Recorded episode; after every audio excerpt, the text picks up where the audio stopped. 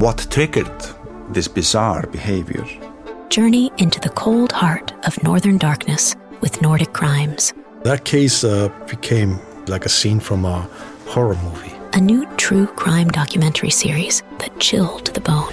The hunger for killing is increasing in the course of these homicides. Nordic Crimes is a part of the ACAST family. Hey, it's Paige DeSorbo from Giggly Squad. High quality fashion without the price tag. Say hello to Quince. I'm snagging high-end essentials like cozy cashmere sweaters, sleek leather jackets, fine jewelry, and so much more. With Quince being 50 to 80% less than similar brands. And they partner with factories that prioritize safe, ethical, and responsible manufacturing. I love that. Luxury quality within reach. Go to quince.com slash style to get free shipping and 365 day returns on your next order. Quince.com slash style. Hey, it's Ryan Reynolds, and I'm here with Keith, co star of my upcoming film, If, only in theaters, May 17th. Do you want to tell people the big news? All right, I'll do it. Sign up now and you'll get unlimited for $15 a month in six months of Paramount Plus Essential Plan on us. Mintmobile.com slash switch. Upfront payment of $45 equivalent to $15 per month. Unlimited over 40 gigabytes per month. Face lower speeds. Videos at 480p. Active Mint customers by 531.24 get six months of Paramount Plus Essential Plan. Auto renews after six months. Offer ends May 31st, 2024. Separate Paramount Plus registration required. Terms and conditions apply if rated PG. Millions of people have lost weight with personalized plans from Noom. Like Evan, who can't stand salads and still lost 50 pounds. Salads generally for most people are the easy button, right? For me, that wasn't an option. I never really was a salad guy. That's just not who I am. But Noom worked for me. Get your personalized plan today at Noom.com. Real Noom user compensated to provide their story. In four weeks, the typical Noom user can expect to lose one to two pounds per week. Individual results may vary.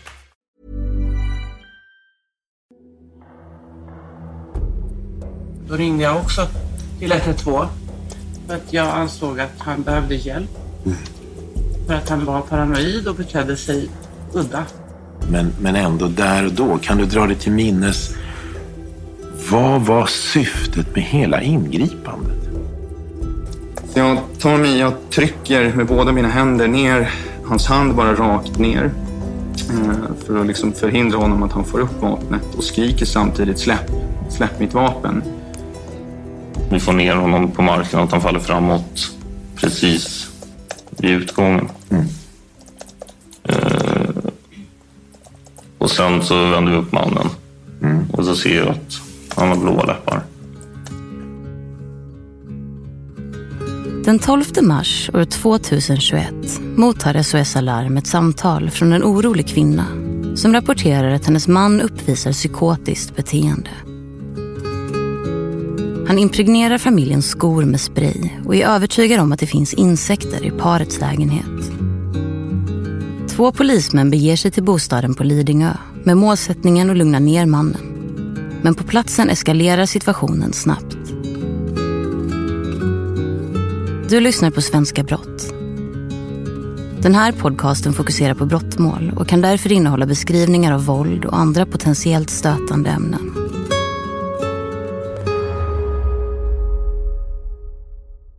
Det är den 12 mars år 2021. En kvinna vid namn Nor har under förmiddagen ringt in till SOS Alarm. Nor har i samtalet berättat att hennes man Isak beter sig märkligt. Hon uppfattade det som att Isak lider av ett psykosliknande tillstånd. En polispatrull beordras åka hem till Nors och Isaks lägenhet för att lugna ner situationen. När polisen anländer har Nor lämnat bostaden. Eh, och så har vi klivit in i hallen och då kommer eh, den här mannen då. Eh, han har ett par gråbyxor och ingenting på överkroppen ut från ett av rummen. Eh, längre in i hallen då från, från mitt håll sett då från höger sida. Med händerna över huvudet. Han ropar någonting som är, är ni polisen? Är ni, ska ni ta mig? Eller något liknande. Eh, och jag svar, eller, vi svarar då nej vi vill bara prata. Vi vill bara se vad är det som har hänt. Men vi får liksom inga, inga svar, ingen respons överhuvudtaget utan den här mannen han går liksom mot oss och ska ut ur lägenheten, liksom trycka sig förbi som står precis innanför mig. Men vi säger då, nej vi, vill, vi, kan, vi kan prata här i hallen men vi vill, vi vill gärna att du kommer till oss. Eh, för vi vet ju som sagt inte vad som finns i de andra rummen, vi vet inte om han är ensam. Eh, vi vet inte om kvinnan är kvar på platsen heller. Ehm, så han kommer då mot oss. Eh, och, eh, men liksom svar, vi får inget svar. Vi får liksom ingen, ingen respons eller inget gensvar på det vi har frågat honom om. Utan han bara går mot oss och gör något försök att liksom hålla kvar honom. Men han trycker sig liksom förbi och förbi mig och han ska ut. Och här gör vi nog, tror jag vi har lite samma bedömning att Eh, om vi, vi säljer att vi går ut, om det kan få honom att svara på våra frågor, då får vi väl stå i trapphuset då. Eh, men det går så pass fort att vi hinner liksom inte snacka ihop oss om hur vi ska hantera det här. Så precis när den här mannen då går förbi, förbi mig, jag får, hinner få känslan av att det är någonting som inte riktigt stämmer här. Så jag lägger handen på hans axel och liksom försöker få kontakt med honom och frågar honom, har det hänt någonting? Är du rädd för något? Hur mår du? I liksom syfte att på något sätt ja, men för, liksom, lugna det lite grann. För jag upplever att han är väldigt agiterad. Men jag får ingen, ingen respons överhuvudtaget utan han bara trycker sig förbi eh, jag vet inte om fortfarande har handen på hans axel eller hur det går till, men följer i alla fall med. Så jag hamnar efter. Eh, och här inser jag att vi, vi kommer behöva angripen, vi behöver, kommer behöva hålla honom kvar på platsen. Så jag, börjar, eh, jag tar loss mina handskar för att sätta på mig dem, men jag hinner inte få på mig dem innan eh, den här mannen och då i stort sett bara liksom jag vet inte hur jag ska beskriva det, men det, de faller ner tillsammans över, eller ner från det första av tre halvtrappor kan man säga. Eh, eller tre trappor. De faller ner. Eh, radiostation, den flyger, den, han tappar den från sitt fäste då. Så jag släpper mina handskar, jag kastar mig ner efter. Eh, eh, för det är fullt, de, det, tumult uppstår mellan de här två då. Polismannen Erik berättar att han och kollegan Andreas försöker få kontroll över situationen och avvärjer Isak genom att använda fysiskt våld. Isak försöker gripa tag i Eriks tjänstevapen och som svar använder poliserna pepparspray mot Isak. Pepparsprayen har dock inte önskad effekt. mitt i det här då, när vi står där på den platån, då känner jag att det är någon som, någonting rycker i mitt, i mitt benhölster och jag har vapnet på mitt lår, mitt högra lår. Så då tittar jag ner. Ehm, då har han handen runt, ehm, alltså runt eh, kolven på, alltså själva handtaget på min pistol. Och här är det ju så att för att få upp vårt tjänstevapen så är det som två spärrar man behöver liksom frigöra. Och har man tränat på det här så kan man göra det i en rörelse. Jag upplever att han har liksom tummen där nere. Jag är så här i efterhand, jag tror inte att han visste vad han gjorde, men känslan är att han kommer få upp mitt vapen nu. Så jag tar mig, jag trycker med båda mina händer ner hans hand bara rakt ner Eh, för att liksom förhindra honom att han får upp vapnet och skriker samtidigt släpp, släpp mitt vapen. Eh, och mm, i samband med det här då så det, ja, och så någon, jag kan inte redogöra, redogöra för liksom exakt hur lång tid det tar, men det är en, han rycker och sliter i det där. Jag må, får till slut bort, hon, bort hans händer. Eh, när jag har fått det så tar jag upp min pepparspray. Jag tror att det är som ropar spraya, använd sprayen eller vad det är. Så jag får upp min spray och så duschsprayar jag i och så så jag kommer åt i hans ansikte. Han är han är liksom mellan mig på något sätt. Mellan mig och har handen ner. Um, så jag, jag hamnar på hans högra sida och på hans vänstra. Så jag sprayar en gång. Märker ganska snabbt att jag får ingen effekt överhuvudtaget. Så att jag, då sprayar jag igen. Ehm, utan effekt eh, den gången heller. De faller ner för ytterligare en trappavsats. Tumultet fortsätter utanför porten. I samband med att poliserna och Isak når trappavsatsen utanför porten anländer vittnet Ossian till platsen. Han kommer körandes i en sopbil. I bilen finns en kamera monterad vid vindrutan och kameran lyckas fånga händelsen. Isak ligger först på rygg och sen på sidan samtidigt som han rör sig kraftigt med kroppen. Erik försöker kontrollera Isaks underkropp och vänsterarm medan Andreas försöker få kontroll över överkroppen och armarna. Isak gör kraftigt motstånd. När Andreas satt handfängsel runt Isaks vänstra handled vänder poliserna Isak till bukläge. Isak befinner sig då på mage på trappavsatsen med huvudet och halsen ut över kanten på trappan. Poliserna fäster sedan handfängsel runt Isaks andra handled. I samma veva skriker Isak något ohörbart. Andreas sitter på Isaks ben medan Erik står på hans högra sida och har höger knä på den övre delen av ryggen, nedanför halsen på Isak. Isak fortsätter göra motstånd. Han rör sig kraftigt, vilket resulterar i att ytterligare en del av hans bröstkorg hamnar ut över avsatsen.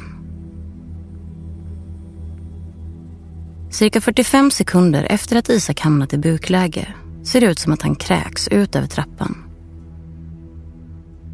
Hans huvud faller ner mot det näst översta trappsteget och efter ungefär en minut lyfter han huvudet en sista gång. Erik och Andreas är till en början omedvetna om att Isaks tillstånd snabbt blir livshotande. De märker snart att Isak inte längre rör på sig. Han verkar ha tappat medvetandet. De påbörjar hjärt och lungräddning och ambulans och räddningstjänst anländer snabbt till platsen. Isak transporteras med ambulanshelikopter till Karolinska sjukhuset i Solna där livräddande åtgärder pågår i cirka 55 minuter innan det konstateras att Isaks liv inte går att rädda. Efter obduktion av kroppen talar de samlade undersökningsfynden för att Isak avlidit till följd av immobilisering av bröstkorgen, vilket ledde till kvävning och efterföljande hjärtstopp. Immobilisering av bröstkorgen innebär att bröstkorgen är oförmögen att röra sig fritt och därigenom hindrar effektiv andning. I Isaks kropp hittades höga halter av amfetamin. Påverkan av amfetaminet samt att Isak varit kraftigt överviktig kan till viss del ha bidragit till dödsfallet. För att förstå den här händelsen bättre måste vi backa bandet. Isak bodde i sin bostad tillsammans med frun Nor och deras två döttrar. Under år 2018 förändrades situationen i hushållet då Isaks företag gick i konkurs. Konkursen ledde till att Isak gradvis försjönk i en depression. Han började plågas av paranoida tankar och drabbades av panikattacker. Vi hör Nor berätta under rättegången. Och, um, vi var upp och ner helt enkelt. Men på sista tiden så mm. fick han paranoida tankar. Mm. Vilket, kände, vilket var väldigt obehagligt. Och uh, det var kanske en, två veckor innan det här hände så hade han dessa bete alltså det här beteendet mm. som, som återspeglade sig eh, på den dagen då jag ringde. Då ringde jag också till 112 för att jag ansåg att han behövde hjälp. Mm. För att han var paranoid och betedde sig udda mm. helt enkelt. Så då, då, då kom polisen också men då var jag där utanför och mötte polisen så jag förberedde dem på att eh, han behöver tas på ett lugnt sätt. För att det går inte om någon liksom blir aggressiv eller liksom, för då kan han bli aggressiv tillbaka. Och då förstod polisen det och då fick de med honom till sjukhuset. Då gick det jättebra. Men sen så var det också att eh, enligt mitt tycke så när han väl var på sjukhus, han blev tvångsintagen psykiatriskt. Och eh, jag anser att han blev släppt för tidigt för att han mm. mådde ju fortfarande dåligt när han kom hem och hade fortfarande såna här paranoida tankar och eh, ja, betedde sig allmänt irrationellt. Liksom. Det var konstigt. Och sen så vart det värre och värre.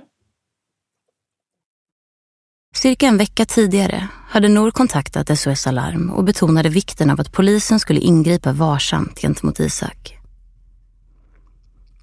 Ingripandet utfördes framgångsrikt och Isak blev tvångsomhändertagen med psykiatrisk vård men släpptes kort därefter.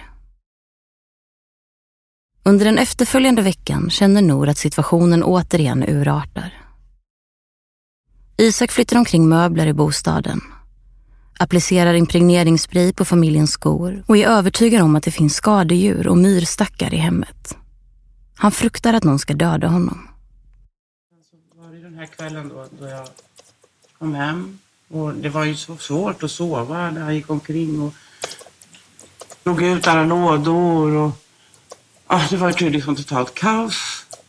Och um, han var aldrig hotfull eller mot mig eller som aggressiv. Jag upplevde honom otrevlig och liksom han, det gick inte att få kontakt med honom.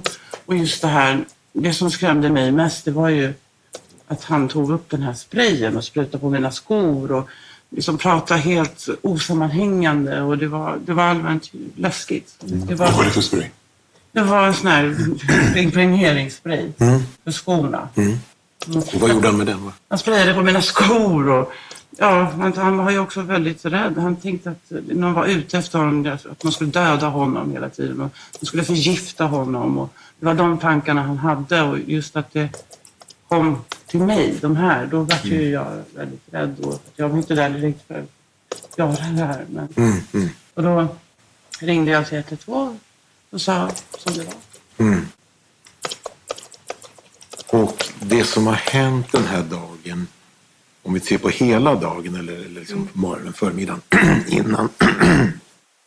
Du berättar om att han, han beter sig irrationellt, eh, konstigt han börjar spraya på dina skor och drar i möblerna, säger du. Vad pratar du med honom då? Vad fick du för intryck? Att han inte var närvarande. Han förstod inte vad jag sa. Jag har ju sakframställningsvis sagt att, att eh, du lämnade. Mm. Det var ju så du, du uppgav till, till ledningscentralen här. Varför lämnar du lägenheten? Kunde Jag tyckte att det var obehagligt. Fruktansvärt. Han var psykotisk. Jag, tänkte att, jag, ty- jag, jag tyckte att det var otroligt jobbigt. Jag visste liksom inte vart jag hade honom. Jag visste inte vad som skulle hända. Den 12 mars beslutade Nor att lämna bostaden då hon upplevde situationen som obehaglig. Hon begav sig till Karlaplan för att ladda sin mobiltelefon och ta en paus från händelserna i hemmet. Under eftermiddagen mottar hon ett samtal från polisen. En polispatrull skickas till Karlaplan och hämtar upp Nor. Därefter får hon det tragiska beskedet att hennes make avlidit i samband med polisinsatsen efter händelsen. Eh, när får du besked angående vad det är som har inträffat den här dagen? På eftermiddagen. På eftermiddag. Då när polisen kom till Karlaplan och hämtade mig. Det är polisen som får Ja. och berättar Ja. Och sen efteråt, och tiden efteråt, hur, hur påverkar det här? Hur, hur har saker och ting förändrats? Ja, det går liksom inte att beskriva. Det går inte att beskriva alls. Det är fruktansvärt. Eh, ja, barnen var ju fruktansvärt dåligt. Jag är ju en jättechock och ja, det, det går inte att beskriva. Jag har mått jättedåligt. Min äldsta dotter har ju varit tvungen att få hjälp från BUP. Hon har tappat hoppet. Ja, man mår inte bra helt enkelt. Vi, det är fruktansvärt. Poliserna förhörs senare angående händelsen. De beskriver att när de anlände till lägenheten möttes de av en hotfull Isak som agerade aggressivt.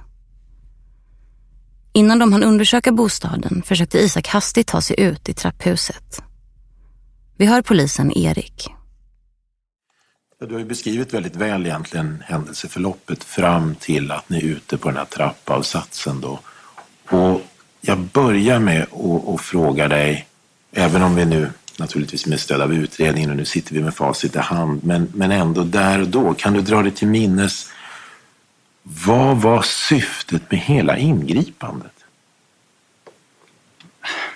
Va, va, va, lite enklare uttryckt, vad höll ni på med om du förstår? Och det är inte för att ifrågasätta, det är för att förstå.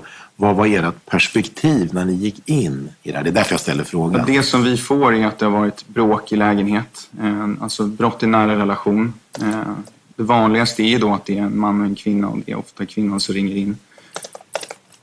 Och det är att åka dit för att ta reda på vad är det som har hänt. Det finns ju en anledning till att den här personen har valt att ringa till polisen. Ehm, och det vi ser när vi öppnar dörren det är att i och med att det är så rörigt i den här hallen så förstår vi ganska snabbt att det är någonting har hänt här inne. Men vi kommer aldrig så långt att vi kan börja rota, i, liksom rota närmare i vad det är som har hänt.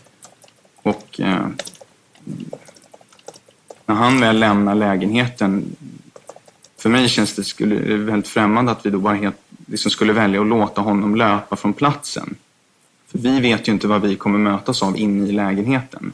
Är det så att vi kliver in i lägenheten och så hittar vi en person, eh, ja, det är blod, det kan ju vara någon som har en kniv i magen där inne, det vet ju inte vi. Och skulle det vara så att man låter den här personen löpa och sen kliver vi in i lägenheten och hittar det här, ja, det hade inte varit jättebra det heller.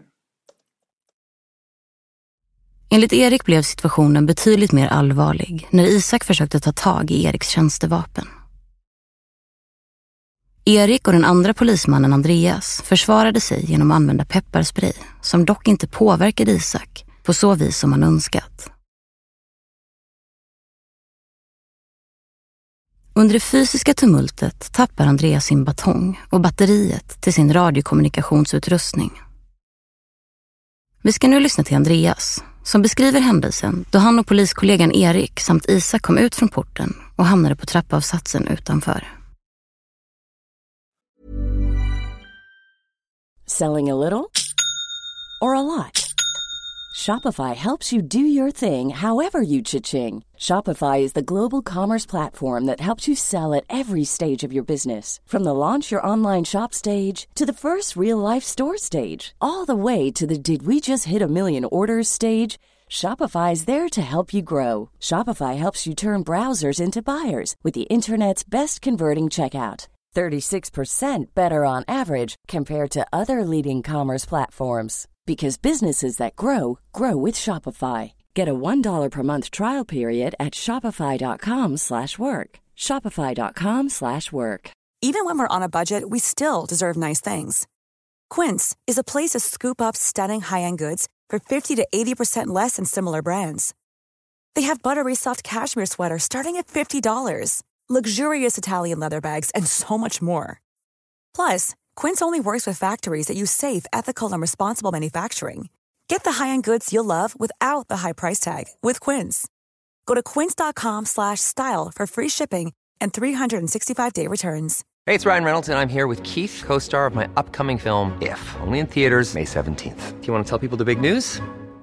All right, I'll do it. Sign up now and you'll get unlimited for $15 a month in six months of Paramount Plus Essential Plan on us. Mintmobile.com slash switch. Upfront payment of $45 equivalent to $15 per month. Unlimited over 40 gigabytes per month. Face lower speeds. Videos at 480p. Active Mint customers by 531.24 get six months of Paramount Plus Essential Plan. Auto renews after six months. Offer ends May 31st, 2024. Separate Paramount Plus registration required. Terms and conditions apply if rated PG. Uh, men att han i alla fall, vi får ner honom på marken, att han faller framåt precis vid utgången. Mm.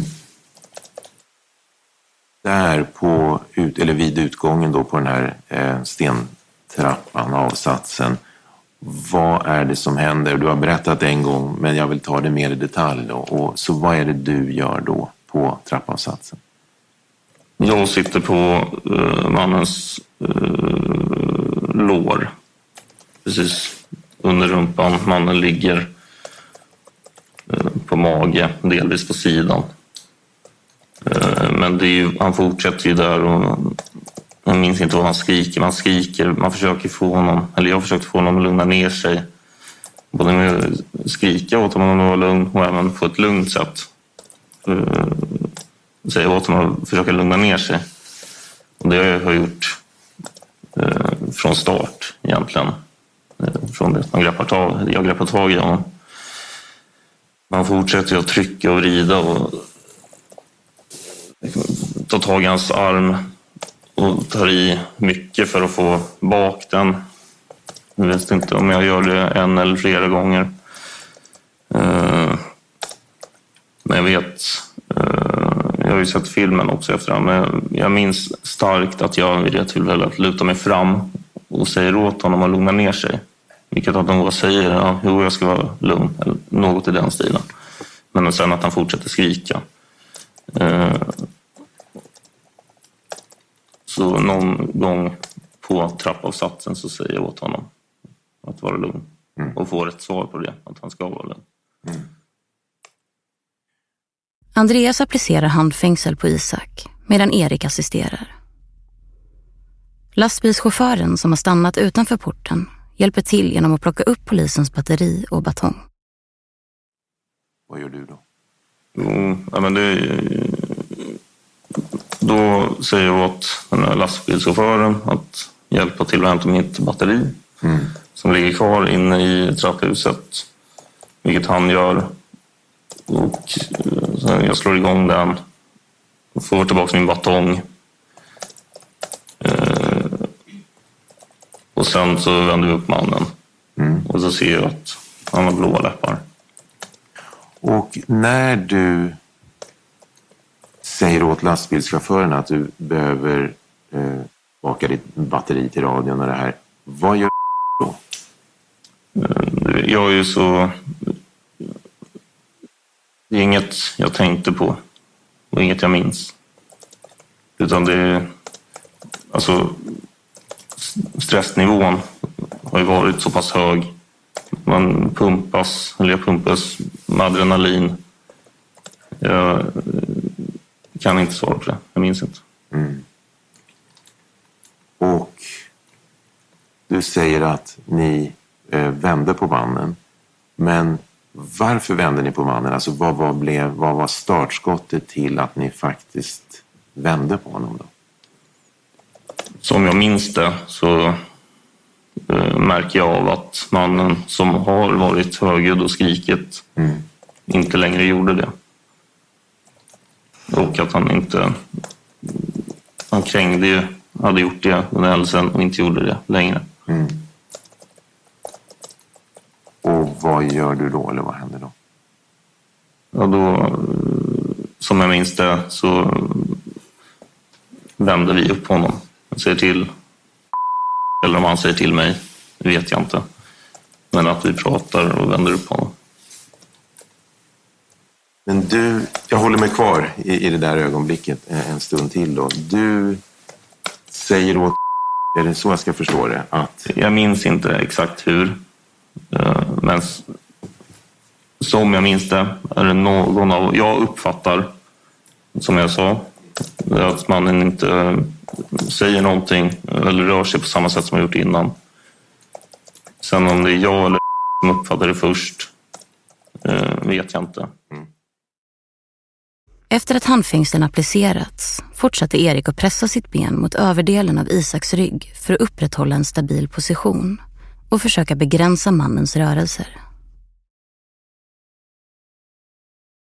Polisen betonade att trycket medvetet inte låg på mannens nacke eller hals för att inte hindra syretillförseln till lungorna. Rättegångens fokus är att utreda om Erik gjort sig skyldig till ett brott i samband med ingripandet. Han står åtalad för vållande till annans död. Du fick frågan angående det med... Sen är det så också att det ska ju tilläggas att det har ju varit... Vi har ju upplevt honom som väldigt, väldigt stark. En jättestark person. Mycket starkare än vad vi två är. Jag, mycket starkare än vad jag är. Eh, jag upplevde att jag behövde göra på det här sättet för att ha kontroll på situationen. Och sen också för att kunna prata radio. Jag behöver kunna fippla med mina, mina grejer. Om jag då sitter och håller i honom med mina händer, då har inte jag den möjligheten. Du fick fråga angående framstupa sidoläge. Om det gick att placera honom i framstupa sidoläge. Inledningsvis svarade jag att nej, det, det fanns ett utrymme för det. Sen senare när du får frågor från åklagaren så säger du att det, det kanske hade varit möjligt. Eh. Ja, där och då gör vi bedömningen att nej, det fanns ingen möjlighet att lägga honom där för det hade ju gjort, gett honom en möjlighet att komma upp på fötter, komma upp, få, alltså, komma upp i sittande ställning eller på knän eller vad som helst. Men så här i i efterhand Ja, så, det hade, så rent fysiskt är det klart att det hade gått att lägga honom i framstupa sidoläge. Men utifrån omständigheterna och hur agiterad han var så gjorde vi bedömningen att nej, det var inte möjligt där och då. Mm. Är det för att ni inte har kontroll på situationen? Ja, det, då hade vi sålt ut vår kontroll. Mm.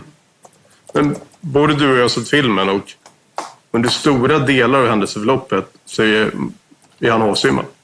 Han är, måste ju vara totalt avslappnad i kroppen. Det måste ju ni känna när, ni, Då är det så att när du vidrör honom. det vi ser på filmen är ju en väldigt, väldigt kort del av hela det ingripandet. Så att under stora, de allra största delarna av händelseförloppet så är han ju inte lugn.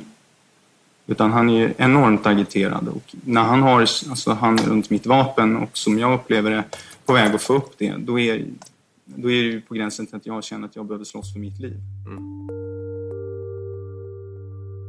Under förhör beskriver lastbilschauffören Ossian, som anlände till platsen mitt i tumultet, att han inte upplevde att poliserna använde mer våld än nödvändigt. Han uppfattade det som att poliserna gjorde det som krävdes i situationen, då mannen försökte fly och gjorde kraftigt motstånd. Poliserna berättar att de märkte att Isak gradvis blev lugnare medan de väntade på förstärkning. Kort därefter upptäckte de att hans läppar började bli blå varefter de tog bort handfängslen och inledde HLR. Ytterligare patruller, räddningstjänst och ambulanspersonal anlände snart till platsen. Ambulanspersonalen tog över hjärt och lungräddningen. Så att jag upplevde inte där och då att han hade det. Så inte under någon del av det här skeendet så kunde du uppfatta att han hade andningssvårigheter? Nej, och det var ju med anledning av att han, han skrek ju så högt. Eh, och pratade, kunde prata när jag lutade mig fram och ställde en fråga. Då pratade han i lugn ton, sen fortsatte han att skrika.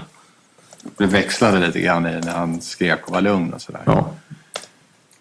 Ehm, jag tror att jag... Jag tror inte jag har några fler frågor till dig. Jag stannar där. Mm, tack. Någon ytterligare fråga? Ja, En ytterligare fråga bara eh, från mig och det var, du säger att du hörde honom skrika och du, du pratade med honom så.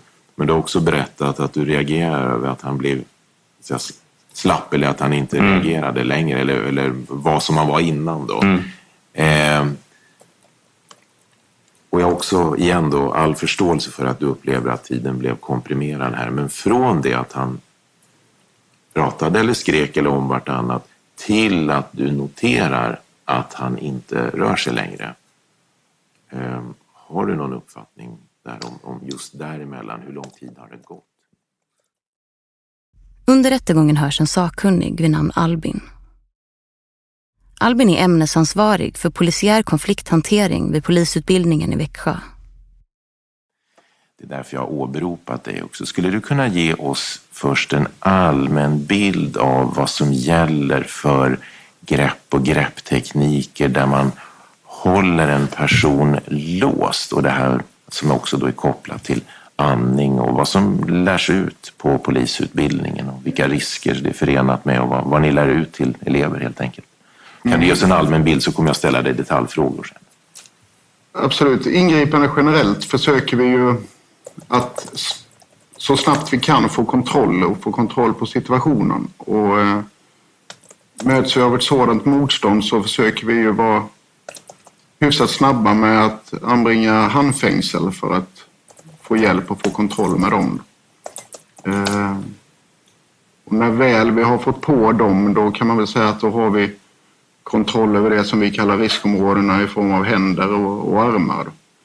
Eh, sen är det beroende på situationen ifall man behöver hålla fast personen mot en vägg eller mot ett underlag eller något sånt där vidare. Det behöver ju inte vara detsamma med att man har kontroll på situationen för att man har kontroll på, på den personen. Om man håller en person då mot, eh, inte mot en vägg utan mot marken. Vad kan man säga om det? Vad, vad lär ni ut? Initialt om vi, om vi jobbar mot marken och till exempel har gjort en nedläggning eh, så, så han, och när vi sätter på handfängsel så, så ligger personen i, i bukläge då på, på marken. Eh, och därifrån så, så sätter vi handfängsel och när vi har kontroll på situationen att vi kan hantera personen då antingen genom att sätta dem upp, resa dem upp eller för den delen lägga dem på sidan. Finns det några särskilda risker med att lägga en person i bukläge? Så? Ja, det gör det. Eh, man tänker när vi, när vi sätter handfängsel så hamnar händerna bak på ryggen. Eh, och framförallt har det varit en, en utdragen kamp att alltså personen vi hanterar är andfådd eller i dålig psyk eller fysisk kondition och så vidare. Så, så eh, blir det ju tryck på överkroppen vilket kan försvåra för lungorna att, att komprimera då och, och syresättningen kan bli lidande. Och vad kan det få för följder? Och att jag frågar det är för jag vill ju egentligen veta vad är det ni lär ut till, till elever? Vad kan det du just berätta om få för följder så som ni lär ut det? Ja, precis. Eh, nej, men vi, vi lär ju ut nedläggning framåt är, är ju en teknik och när vi har kommit ner dit att vi får kontroll på personen. Om vi har ett sådant motstånd så att det är aktuellt att sätta handfängsel så gör vi det. Och när vi har kontroll på situationen underlättar för den här personen genom att antingen ja, ta dem från platsen, alltså resa dem upp. Eh, eller om vi kan lägga upp dem på sidan istället. Då. Och, och varför är det viktigt? Det är ju för att underlätta andningen. Och vad kan hända om man inte gör det? Då? Ja, att syresättningen påverkas så, så pass så att personen inte kan andas. När Isak hade placerats i handfängsel var det omöjligt för honom att bemäktiga sig polisens tjänstevapen eller angripa poliserna eller andra personer. Därför fanns det inget som berättigade Erik att agera i nödvärn genom att fortsätta trycka Isak mot marken på det sätt som han gjorde. Tingsrätten anser att Erik borde ha insett att situationen medförde en betydande risk för att Isak skulle drabbas av andnöd eftersom han låg i bukläge med handfängsel samtidigt som hans bröstkorg pressades mot trappavsatsen. Genom sitt agerande har Erik visat oaktsamhet i förhållande till det dödliga utfallet. Även om Erik befann sig i ett stressat tillstånd har situationen inte varit sådan att han rimligen kan anses ha uppfattat att han agerade i nödvärn. På grund av detta kan Erik inte undantas från ansvar enligt nödvärnsreglerna. Erik dömdes, trots sitt nekande, den 28 november år 2022 för vållande till annans död. Domen är unik. Det är nämligen första gången någonsin som en domstol i Sverige prövar ett dödligt polisgrepp. Påföljden blev villkorlig dom och 50 dagsböter. Utifrån Eriks ekonomiska situation fastställdes värdet för varje dagsbot till 320 kronor vilket innebär en total summa på 16 000 kronor. Polisens personalansvarsnämnd har meddelat att Erik får behålla sitt arbete. Det bedöms inte finnas någon anledning att tro att Erik kommer begå liknande brott igen. I dagens avsnitt har samtliga namn bytts ut. Du har lyssnat på Svenska brott. Dagens avsnitt är skrivet av Ellen Paulin. Mitt namn är Tove Wahlne. Exekutiv producent är Nils Bergman. Tack för att ni har lyssnat.